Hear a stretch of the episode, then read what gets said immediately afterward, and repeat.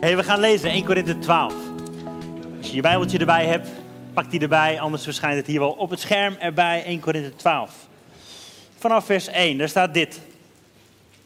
Wat nu de geestelijke gaven betreft, broeders en zusters, wil ik niet dat u onwetend bent. U weet dat u heidenen was, weggetrokken naar stomme afgoden. Stomme als in, ze konden niet praten, maar ze zijn ook gewoon stom. Zo liet u zich meevoeren. Daarom maak ik u bekend dat niemand die door de geest van God spreekt zegt, Jezus is een vervloekte. Ook kan niemand zeggen, Jezus is Heer, dan door de Heilige Geest. Er is verscheidenheid van genadegaven, maar het is dezelfde Geest. Er is verscheidenheid van bedieningen en het is dezelfde Heer. Er is verscheidenheid van werkingen, maar het is dezelfde God die alles in alle werkt. Aan ieder echter wordt de openbaring van de geest gegeven tot wat nuttig is voor de ander. We gaan samen bidden. Dank u Vader dat u vandaag wilt spreken. Dat uw zegeningen nieuw zijn elke morgen, maar dat u ook vandaag iets nieuws in ons hart wilt spreken. We willen open zijn om uw stem te verstaan. Dank u wel dat u trouw bent, dat u niet loslaat wat uw hand begonnen is, ook niet in ons leven, maar dat u doorgaat. En dat we nu op de juiste plek zijn om u te ontmoeten, om te horen wat u vandaag voor ons heeft. Heilige Geest, we willen zeggen dat u welkom bent om te spreken, om ons te leiden, te vormen, te kneden, te schaven, te schuren, bij te sturen, zodat u tot uw doel komt. In Jezus' naam. Amen. Amen. Een paar jaar geleden waren wij met ons gezin in uh, Frankrijk op vakantie. We waren een beetje op doorreis. We zouden van Frankrijk doorrijden naar Engeland. Maar we waren dicht in de buurt van uh, Parijs. Dus wij in de trein naar Parijs een dagje van al die bezienswaardigheden bekijken. Dus we kwamen eerst aan daar bij de Arc de Triomphe. En dan zie je natuurlijk overal, en dat zul je wel herkennen als je ergens op vakantie bent geweest, overal zie je er van die mannetjes met van die kaartjes met foto's die je kunt kopen voor weinig. Herken je dat? Dat eens gezien? Van die mensen die verkopen dan van die pakken met foto's. En dan betaal je een paar, uh, paar euro en dan, nou ja, dan heb je alle mooie foto's. En een van die foto's is natuurlijk inderdaad van de Eiffeltoren. En dan zou je kunnen zeggen, nou weet je wat, ik koop zo'n goedkoop pakketje. Dan weet ik hoe de Eiffeltoren eruit ziet en dan hoef ik er niet meer in. Zou je kunnen zeggen. Dat is echter niet hetzelfde als naar de Eiffeltoren toe gaan. Dat hebben we wel gedaan. We hebben niet zo'n pakketje kaarten gekocht. Wij zijn naar de Eiffeltoren toe gelopen, rot en lopen. Maar goed, we hebben het gedaan. Eentje lopen naar de Eiffeltoren en dan kwamen we eraan en dan zie je dat ding in levende lijven. Kaartje gekocht, tassen laten controleren, broodmesten uithalen, mocht niet mee naar boven. We zijn Hollanders, we smeren onze eigen boterhammen, ja. We mochten geen broodmes mee naar boven. Wel ons, wel ons Zwitserse zakmes, die bleef volgens mij wel, uh, maar goed, maakt niet uit. Maar uiteindelijk, we mochten in de Eiffeltoren naar boven. 669 treden lopen, helemaal naar boven toe. En dan heb je een uitzicht. En nogmaals, dat is wat anders dan dat je dat pakketje met kaartjes en fotootjes had gekocht en dan weet je wel ongeveer hoe het eruit ziet. Dat is niet hetzelfde. Het is niet hetzelfde als inderdaad die 669 treden, helemaal naar boven lopen, denken, is dit ding wel sterk genoeg? Het zijn maar dunne ijzeren boutjes, houden ze me wel? Tussen al die andere zwetende mensen, het was bloedheet, 35 graden, lopen naar boven. En dan kom je daar op het platform en heb je dat uitzicht. En dan zie je heel Parijs. Schitterend. Een gedeelte van ons gezin ging nog een treedje verder naar boven, naar de bovenste verdieping. Ik bleef samen met een uh, niet nader te noemen familielid veilig op de tweede verdieping. Was ook mooi, uitstekend uitzicht. Ook dat was best eng, want dan loop je daar op die vloer en dan halverwege, waarom weet niemand, halverwege hebben ze dan zo'n glasplaat erin gebouwd. Dan kun je lekker op die glasplaat staan en zo naar beneden kijken hoe hoog het is. Je kunt er ook omheen lopen, dat heb ik gedaan. Leek me toch wel veiliger denk we toch veilig. Maar het is anders dan een foto zien. Toch? Het is anders dan een foto zien. Erin klimmen, het gevoel krijgen, een beetje overweldigd worden door de schoonheid, maar ook door de spanning. Het is anders. En dat, lieve broers en zussen, geldt ook wanneer we het hebben over de gave van de Heilige Geest. Het is anders dat je het leest op een briefje dan dat je erin klimt en erin gaat bewegen en het meemaakt en het voelt. Is dat soms eng? Ja. Is het spannend? Onbekend? Allemaal. is het schitterend ook. En ik vraag me af, hoeveel van ons zijn gebleven bij, nou weet je wat, ik koop het kaartje wel, ik kijk er af en toe naar, ik heb een idee van hoe het eruit zou kunnen zien, we gaan door naar de volgende attractie. Ik wil je uitnodigen om de komende weken met ons op reis te gaan in de gave van de Heilige Geest. Voor sommigen van ons is dat misschien een heel bekend onderwerp. Maar met Paulus wil ik zeggen, ik wil niet dat u onwetend bent. Ik wil niet dat u onwetend bent. Ik wil niet dat je, zoals die staat, ik wil niet dat je daarin een agnost bent.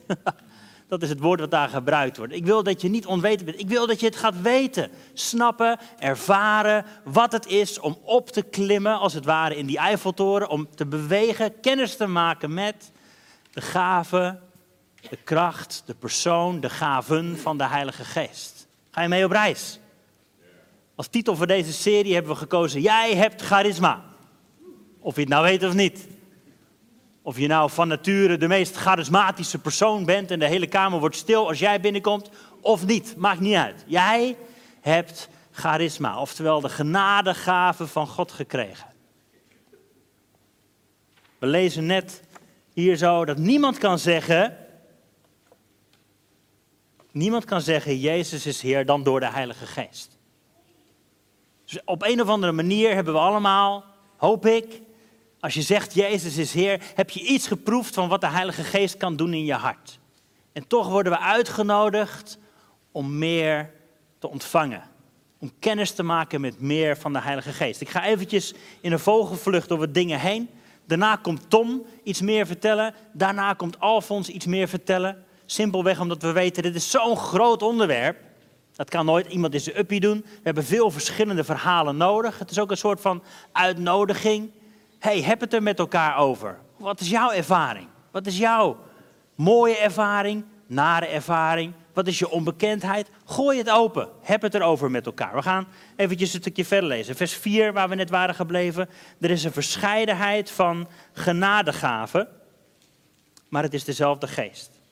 Er is verscheidenheid van bedieningen. Het is dezelfde Heer. Verscheidenheid van werkingen. En het is dezelfde God. Die alles in alle werkt. Hier worden drie verschillende dingen genoemd. Nou kun je heel veel verschillende lijstjes, structuren, systemen, manieren, vormpjes bedenken om te kijken naar de gaven van de Heilige Geest. Het, helpt. Het is niet het uiteindelijke woord, maar dit helpt. Ik heb deze drie lijstjes erbij gepakt. Genadegaven, bedieningen, werkingen. De eerste dan, genadegaven. Er staat in het uh, Grieks charismata charismata. Dat betekent genadegave van God. Een van de lijstjes die je daarvan zou kunnen kijken, kiezen uit de Bijbel, Romeinen 12, staat dit, hoofdstuk 12, vers 6 tot 8. De motivatiegave. Hoe de Heilige Geest in jouw geest, met, jouw geest samenwerkt. Dat wat je drijft in deze wereld. Misschien ben je iemand die profetisch is. En dan niet op, op de manier van de toekomst kunnen voorspellen, maar meer heel zwart-wit kunnen denken bijvoorbeeld. Of heel erg het belangrijk vinden dat de waarheid altijd genoemd wordt. Op die manier. Misschien ben je iemand die, die helpt, die dienstbetoon laat zien. Misschien is dat jouw motivatie. Misschien is het onderwijzen. Je wil altijd dingen uitleggen of begrijpen. Of bemoedigen. Mensen die in de nood zitten, jij gaat ze bemoedigen. Of je gaat geven. Hoe kan ik jou helpen door te geven? Of door te leiden, of door te ontfermen. De motivatiegaven. We hebben in het verleden ook wel eens een serie over gedaan, de motivatiegaven. Daarin kun je ook het werk van de Heilige Geest herkennen in je leven. Hoe Gods geest jouw geest tot leven heeft geroepen en nu dat je daardoor gemotiveerd bent om in het leven te staan. Tweede lijstje dan, bedieningen. Er is een verscheidenheid aan bedieningen. Voor die mensen die een beetje opgegroeid zijn in de evangelische Pinksterhoek is de vijfvoudige bediening misschien een term waar je mee bent doodgegooid vroeger. Dat kan, sorry daarvoor de bedieningsgaven, Efeze 4. Je hebt apostelen, profeten, herders, evangelisten, leraren. Dat zijn de leiders in de kerk om de heilige toe te rusten tot dienstbetoon. De bedieningsgaven. Wij gaan deze komende paar weken vooral kijken naar die laatste. Er is een verscheidenheid aan werkingen, zoals het hier staat in Korinthe. Energemata. Daar klinkt ook dat woordje energie in door Het moet stromen, de stroming van de Heilige Geest door ons heen. Oftewel, met een mooi woord, de manifestatiegave. Hoe manifesteert de Geest van God zich in jouw leven door jou heen? Hoe manifesteert de Heilige Geest van God zich door jou heen? Ik ga het kort lezen en daarna ga ik vragen of Tom komt.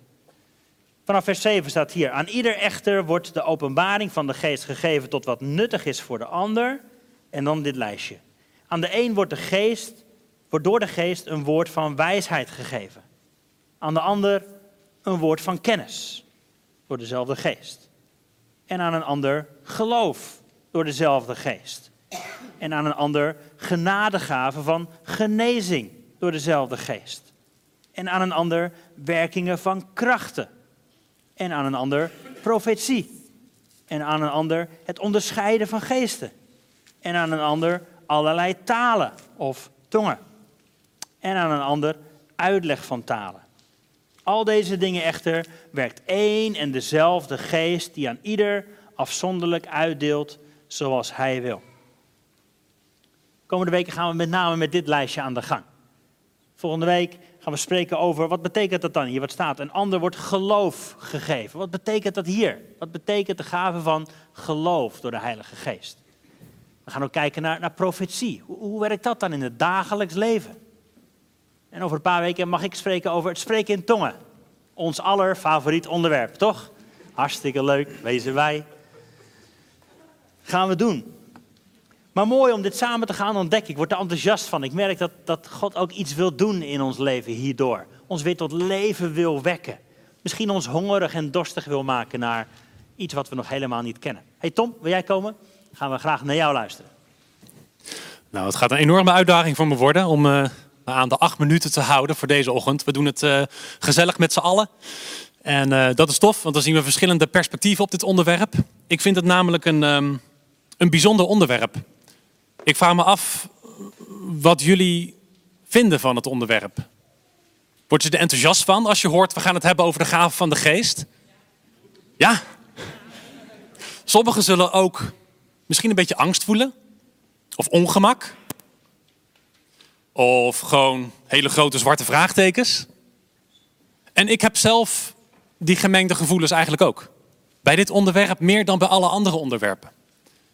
En we komen hier allemaal met ons eigen stukje verleden. We hebben zaken meegemaakt in het positieve en soms helaas ook in het negatieve. En ik zou voor deze komende serie, voor de komende weken, jullie willen vragen om dat even te resetten. Laten we opnieuw kijken naar wat God nou heeft bedoeld met deze gaven. En hoe wij daar gebruik van kunnen gaan maken. Wat is het waarom van de gaven?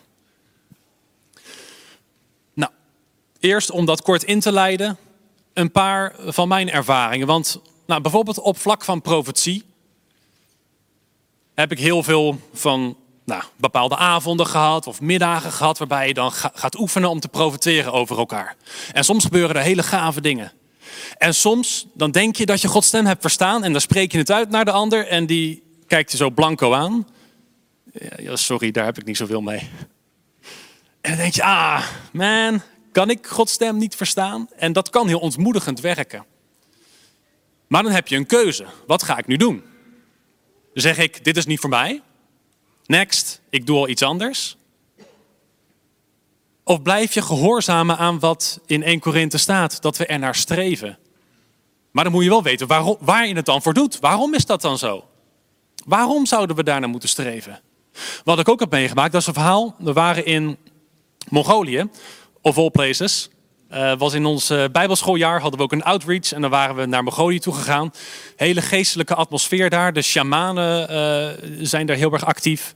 En er was een kerel waar we op een gegeven moment voor konden bidden. En er was een vertaler, die kon dan dat in het Mongols doorgeven aan, aan die jongen. En we waren aan het, aan het bidden en we hadden het idee dat we bepaalde zaken moesten zeggen over de situatie waar hij nu in zat. En wat er in de nabije toekomst voor hem zou gaan, gaan gebeuren.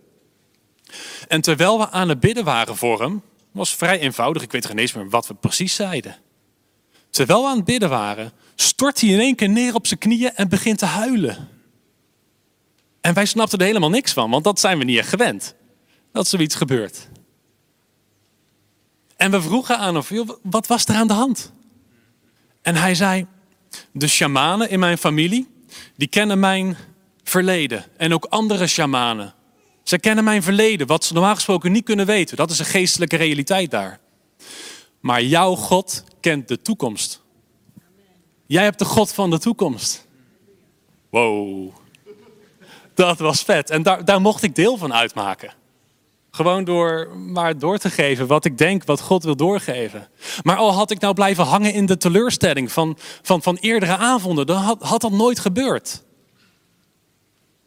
Had ik niet dat bijzondere meegemaakt? Oké, maar belangrijker nog, dan had die kerel God niet leren kennen.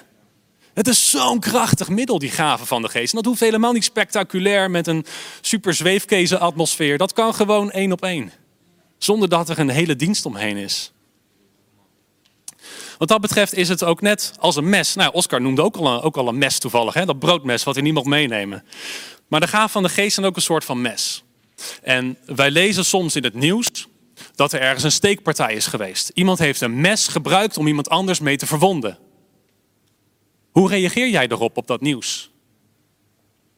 Zeg je dan, oh, ik ga nooit meer een mes gebruiken, want het is gevaarlijk, zie je wel?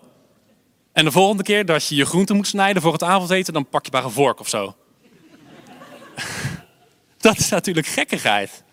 Wat doe je dan wel? Je denkt, hé, hey, dit is niet waar een mes voor bedoeld is. Het is bedoeld voor onder andere mijn groenten te snijden. En ik moet er voorzichtig mee doen, want het is scherp inderdaad.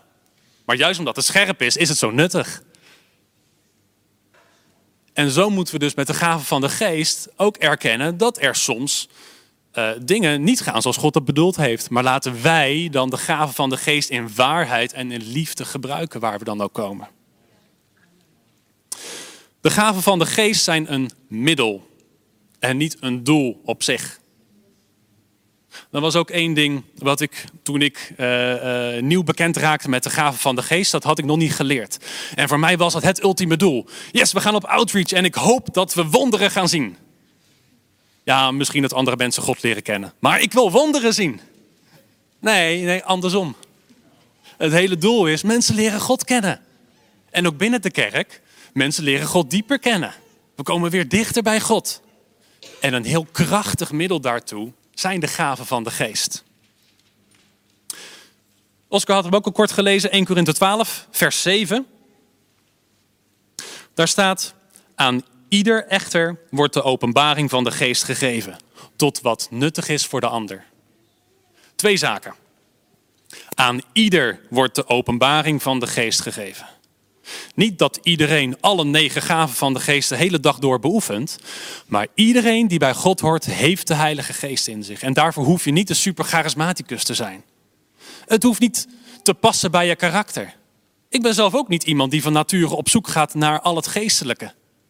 Maar ook door mij heen wil, wil God bijzondere bovennatuurlijke dingen doen. Omdat de Heilige Geest in mij zit. En hij wil door mij heen werken. En ook voor jou dus. Aan ieder is de openbaring van de geest gegeven. Met als doel dat het nuttig is voor de ander. En dat moeten we dus altijd voor ogen houden. Dan zie je iemand en je denkt, hoe kan ik jou zegenen? Hoe kan ik jou helpen? Misschien is het door te geven. Misschien is het door een compliment. Misschien is het door profetie. Misschien is het door een andere genadegave. Einde van 1 Korinthe 12. Daar zegt Paulus, streef dus naar de beste genadegaven. Nou, daar gaan we nu even niet over hebben, maar er zijn genadegaven beter dan andere. Um, maar Paulus zegt daarna, en ik wijs u een weg die dit alles nog overtreft. Is hij eerst zo enthousiast over alle genadegaven en dan zegt hij daarna, maar er is nog iets wat het allemaal overtreft. En dan komt 1 Korinthe 13. Waar gaat het hoofdstuk over? Liefde. Het liefdeshoofdstuk. Al zou ik de talen van mensen en van engelen spreken, maar ik had de liefde niet, dan zou ik een klinkend koper of een schallende symbaal zijn geworden. En dan zou ik de gave van profetie hebben en alle geheimenissen weten en alle kennis bezitten. Dat is veel. En dan zou ik het geloof hebben, zodat ik bergen zou verzetten, maar ik had de liefde niet. Ik was niks. Helemaal niks. De liefde is uiteindelijk het ultieme doel. En de gaven schikken zich daaronder en zijn dus een middel daartoe. Wat is liefde dan? Ik zet mijzelf in zodat jij er voordeel bij hebt. En dat is waar God ons voor wil gebruiken, zeker deze komende weken en vanaf hier verder nog aan. Dus het doel om mensen dichter bij God te brengen. En als we dat proberen te doen zonder de geest, dan is het net alsof je groente snijdt zonder een mes. Je komt wel ergens, maar het is niet de beste manier. Met geest en met verstand, met ratio en in het natuurlijke en ook in het geestelijke. Allemaal gereedschappen om andere mensen dichter bij God te brengen. Laten we streven naar die gaven in waarheid en in liefde. Dan wil ik graag uh, Alfons naar voren vragen. Dankjewel Tom. Goedemorgen allemaal. Goed hier weer een keer te staan. Ik heb er ook zin in om weer eens uh, wat te delen hier vanaf deze plek. Even uh, in het kort, ik ben Alfons Stanes. Ik ben getrouwd met Laura, mijn vrouw, die zit daar. We zijn vanaf begin af aan betrokken bij Connectkerk. En ik zou graag wat, wat willen delen over, inderdaad over de gaven van de geest, waar we het net over hadden. Waar we net een mooie inleiding ook van hebben gehad.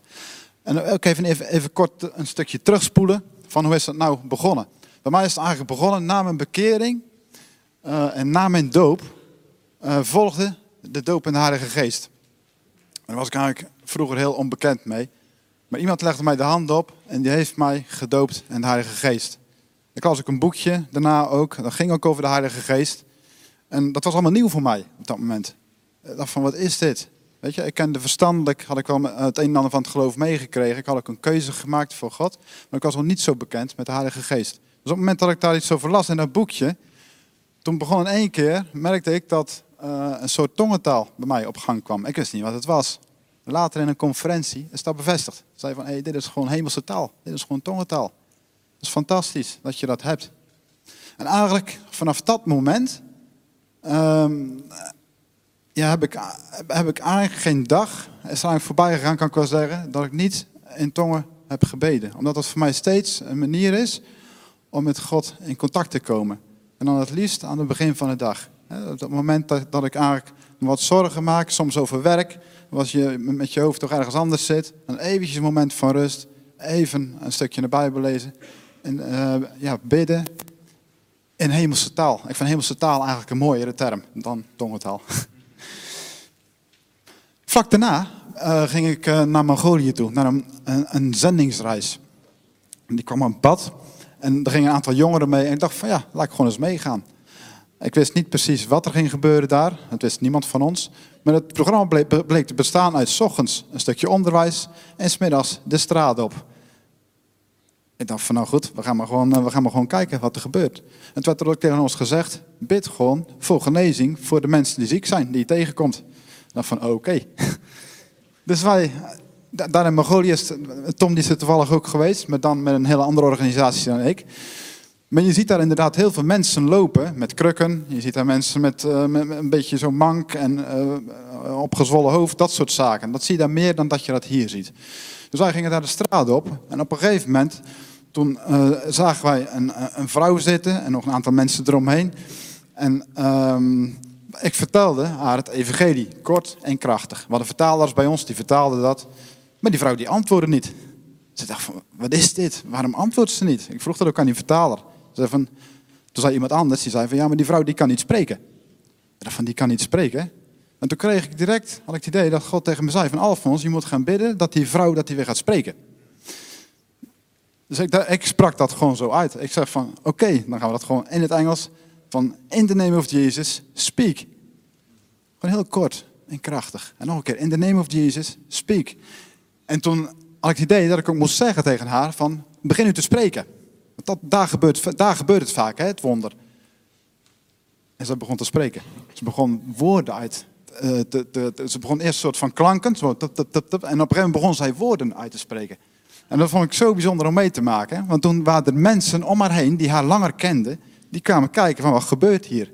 Dus dat werd een soort oploopje van mensen. Toen zeiden wij ook van ja hoor dus, dat zijn niet wij die dat doen. Dat is Jezus die dat doet. En toen hadden we echt een hele mooie kans om iets te vertellen over God, over Jezus en over de liefde van God, ook voor mensen. Maar het werd eigenlijk ondersteund door de kracht van God. En dat vond ik zo gaaf. Het is niet alleen een verstandelijk iets vertellen, maar ook juist ook Gods kracht die daar doorheen stroomt. Hier in Nederland hebben we te, maken natuurlijk met, hè, we zijn allemaal, ik ben ook Nederlander, ik denk verstandelijk, wil de dingen uit kunnen leggen, wil het in een hokje kunnen plaatsen. Lukt niet altijd met de gaven, helaas. Uh, in Nederland ging ik hier naar de Albert Heijn en toen stond er een zwerver. En ik kwam met die man in gesprek, ik gaf hem iets en ik zag dat hij een opgezwollen kaak had. Toen zei ik tegen hem, heb je last van je, van je kies of zo? Toen zei die, die man, hij zei ja, ik heb last van kiespijn. Zei ik van, nou, ik geloof dat God jou kan genezen. Ik christen, vind je het goed als ik kort voor jou bid?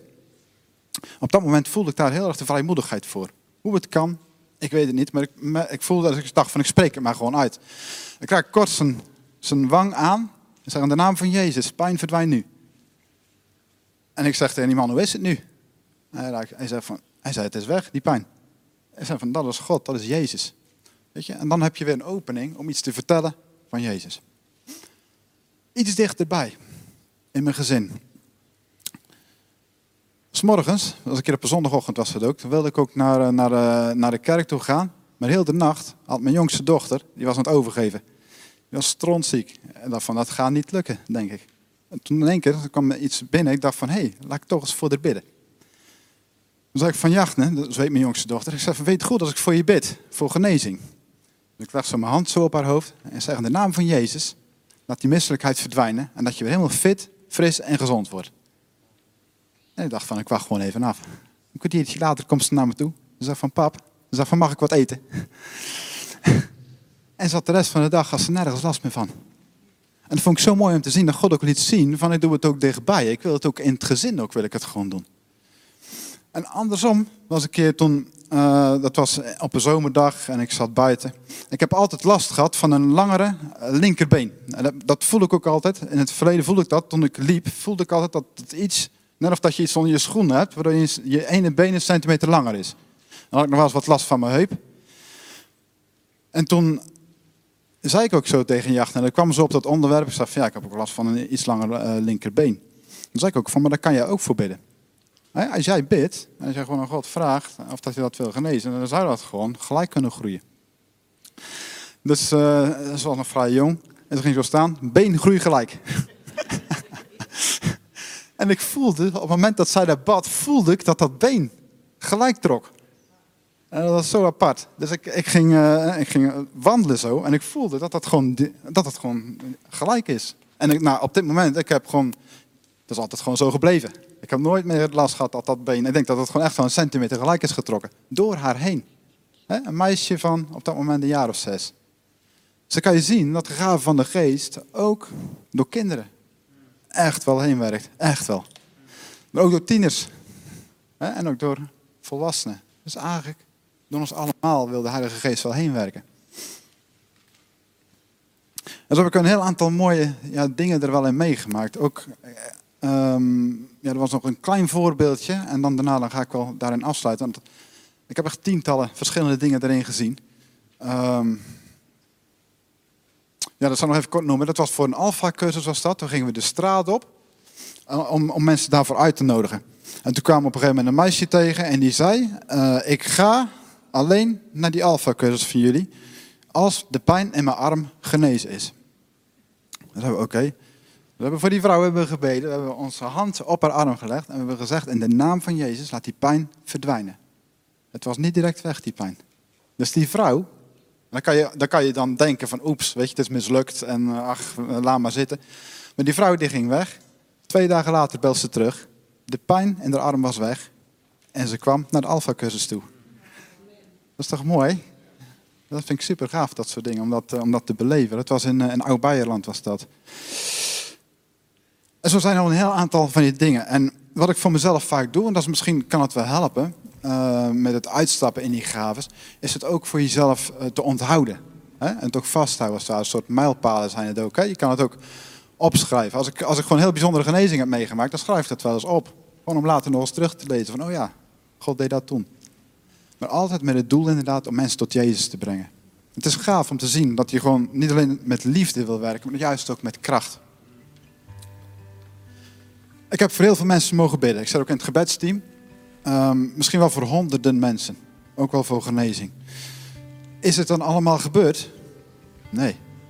Ik heb misschien tientallen genezingen gezien. Maar er zijn heel veel genezingen die ik niet heb zien gebeuren. En hoe ga je daar dan mee om? Wat ik dan doe is gewoon, ik bid sowieso. Ik bid voor genezing. En dan bid ik nog een keer. En als het dan niet gebeurt, zeg ik van, Heer, geef de komende tijd gewoon genezing. In Jezus' naam. En wat er dan gebeurt, ja, dat laat ik gewoon verder aan God. Want ik heb ook zoiets van, uh, dat heb ik ook wel geleerd, ook wel in Mongolië, van het is onze verantwoording om de mensen de hand op te leggen. He, dat is misschien 1% en het is 99% is het Gods werk. En ik geloof ook uh, dat God altijd wel iets doet. Op het moment dat je voor iemand voor genezing bidt, dan gebeurt er altijd wel iets bij iemand. Wat wij misschien niet kunnen doorgronden, of wat ik niet kan doorgronden. Maar door er op zo'n manier in te staan, heb ik, merk ik wel dat ik er gewoon heel ontspannen in sta. Heel relaxed. Weet je, het hangt niet van, van, van mij af. Of het hangt niet van ons af. Het is, het is Gods werk door ons heen.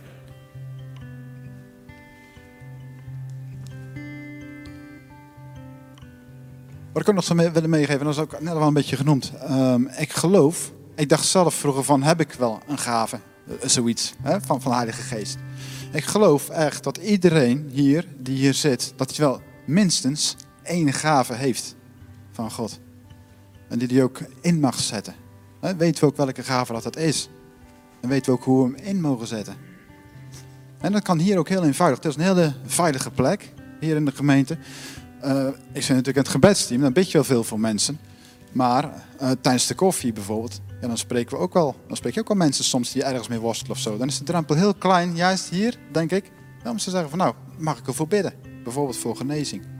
En misschien krijg je dan wel een profetisch woord door. Of een woord van kennis. Het kan heel eenvoudig. En zo, zo doe ik het ook gewoon uh, op mijn werk. Hetzelfde.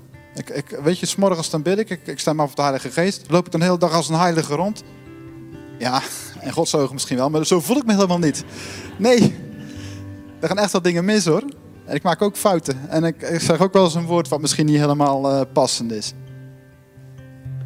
Weet je, met de soms dan geeft God je wel iets te binnen. En dan, uh, ja, dat is een heel klein voorbeeldje. Voor, sommige mensen van mij wel bekend vind ik een heel bijzonder voorbeeld. Dan een collega tegen me zei van ik ga naar de oogarts toe.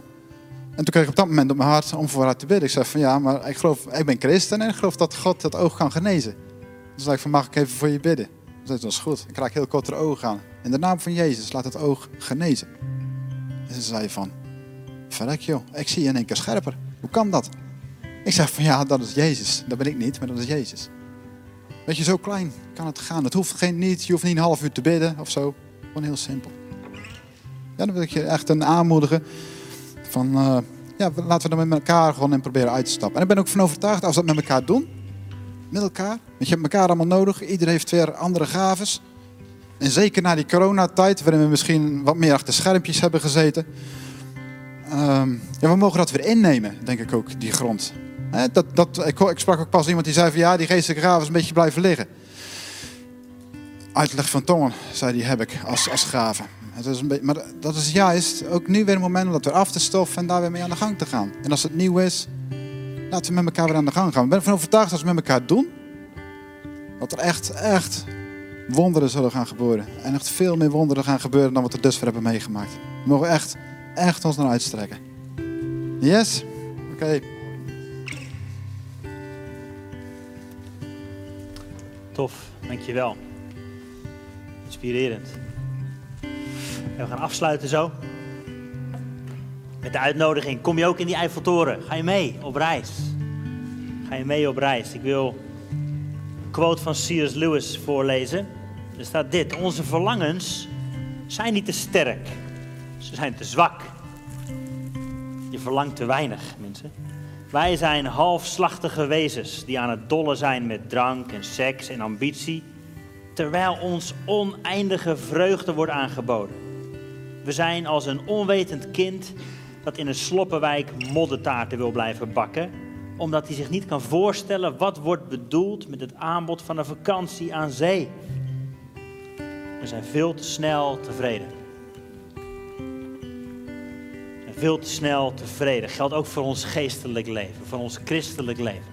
We zijn veel te snel tevreden. God heeft nog veel meer voor je weggelegd. Zullen we gaan staan? Johannes 7 staat dit. Op de laatste dag van het feest stond Jezus en hij riep: Als je dorst hebt, kom bij mij en drink. Wie in mij gelooft, zoals de Bijbel zegt, stromen van levend water zullen uit jouw binnenste vloeien. Heb je dorst? Of niet? Jezus doet een uitnodiging, maar jij mag reageren. Bal ligt bij jou. De bal ligt bij jou. Ik wil je vragen om met me te bidden. Sluiten we onze ogen. We willen altijd beginnen bij het begin. Dit begint bij Jezus. Hij is het doel.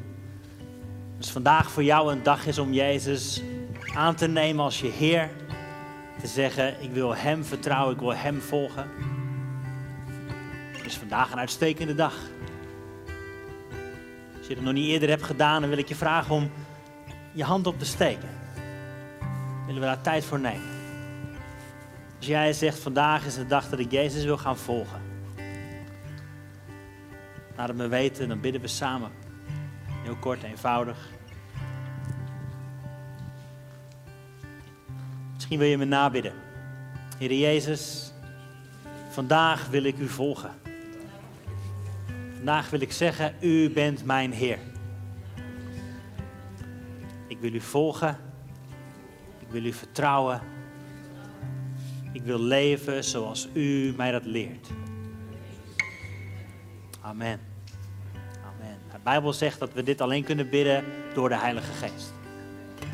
Misschien is vandaag voor jou een dag dat je zegt, oké, ik weet niet zo goed hoe of wat. Misschien zelf niet zo goed waarom, maar ik wil iets meer gaan leren van wat de Heilige Geest voor mij heeft weggelegd.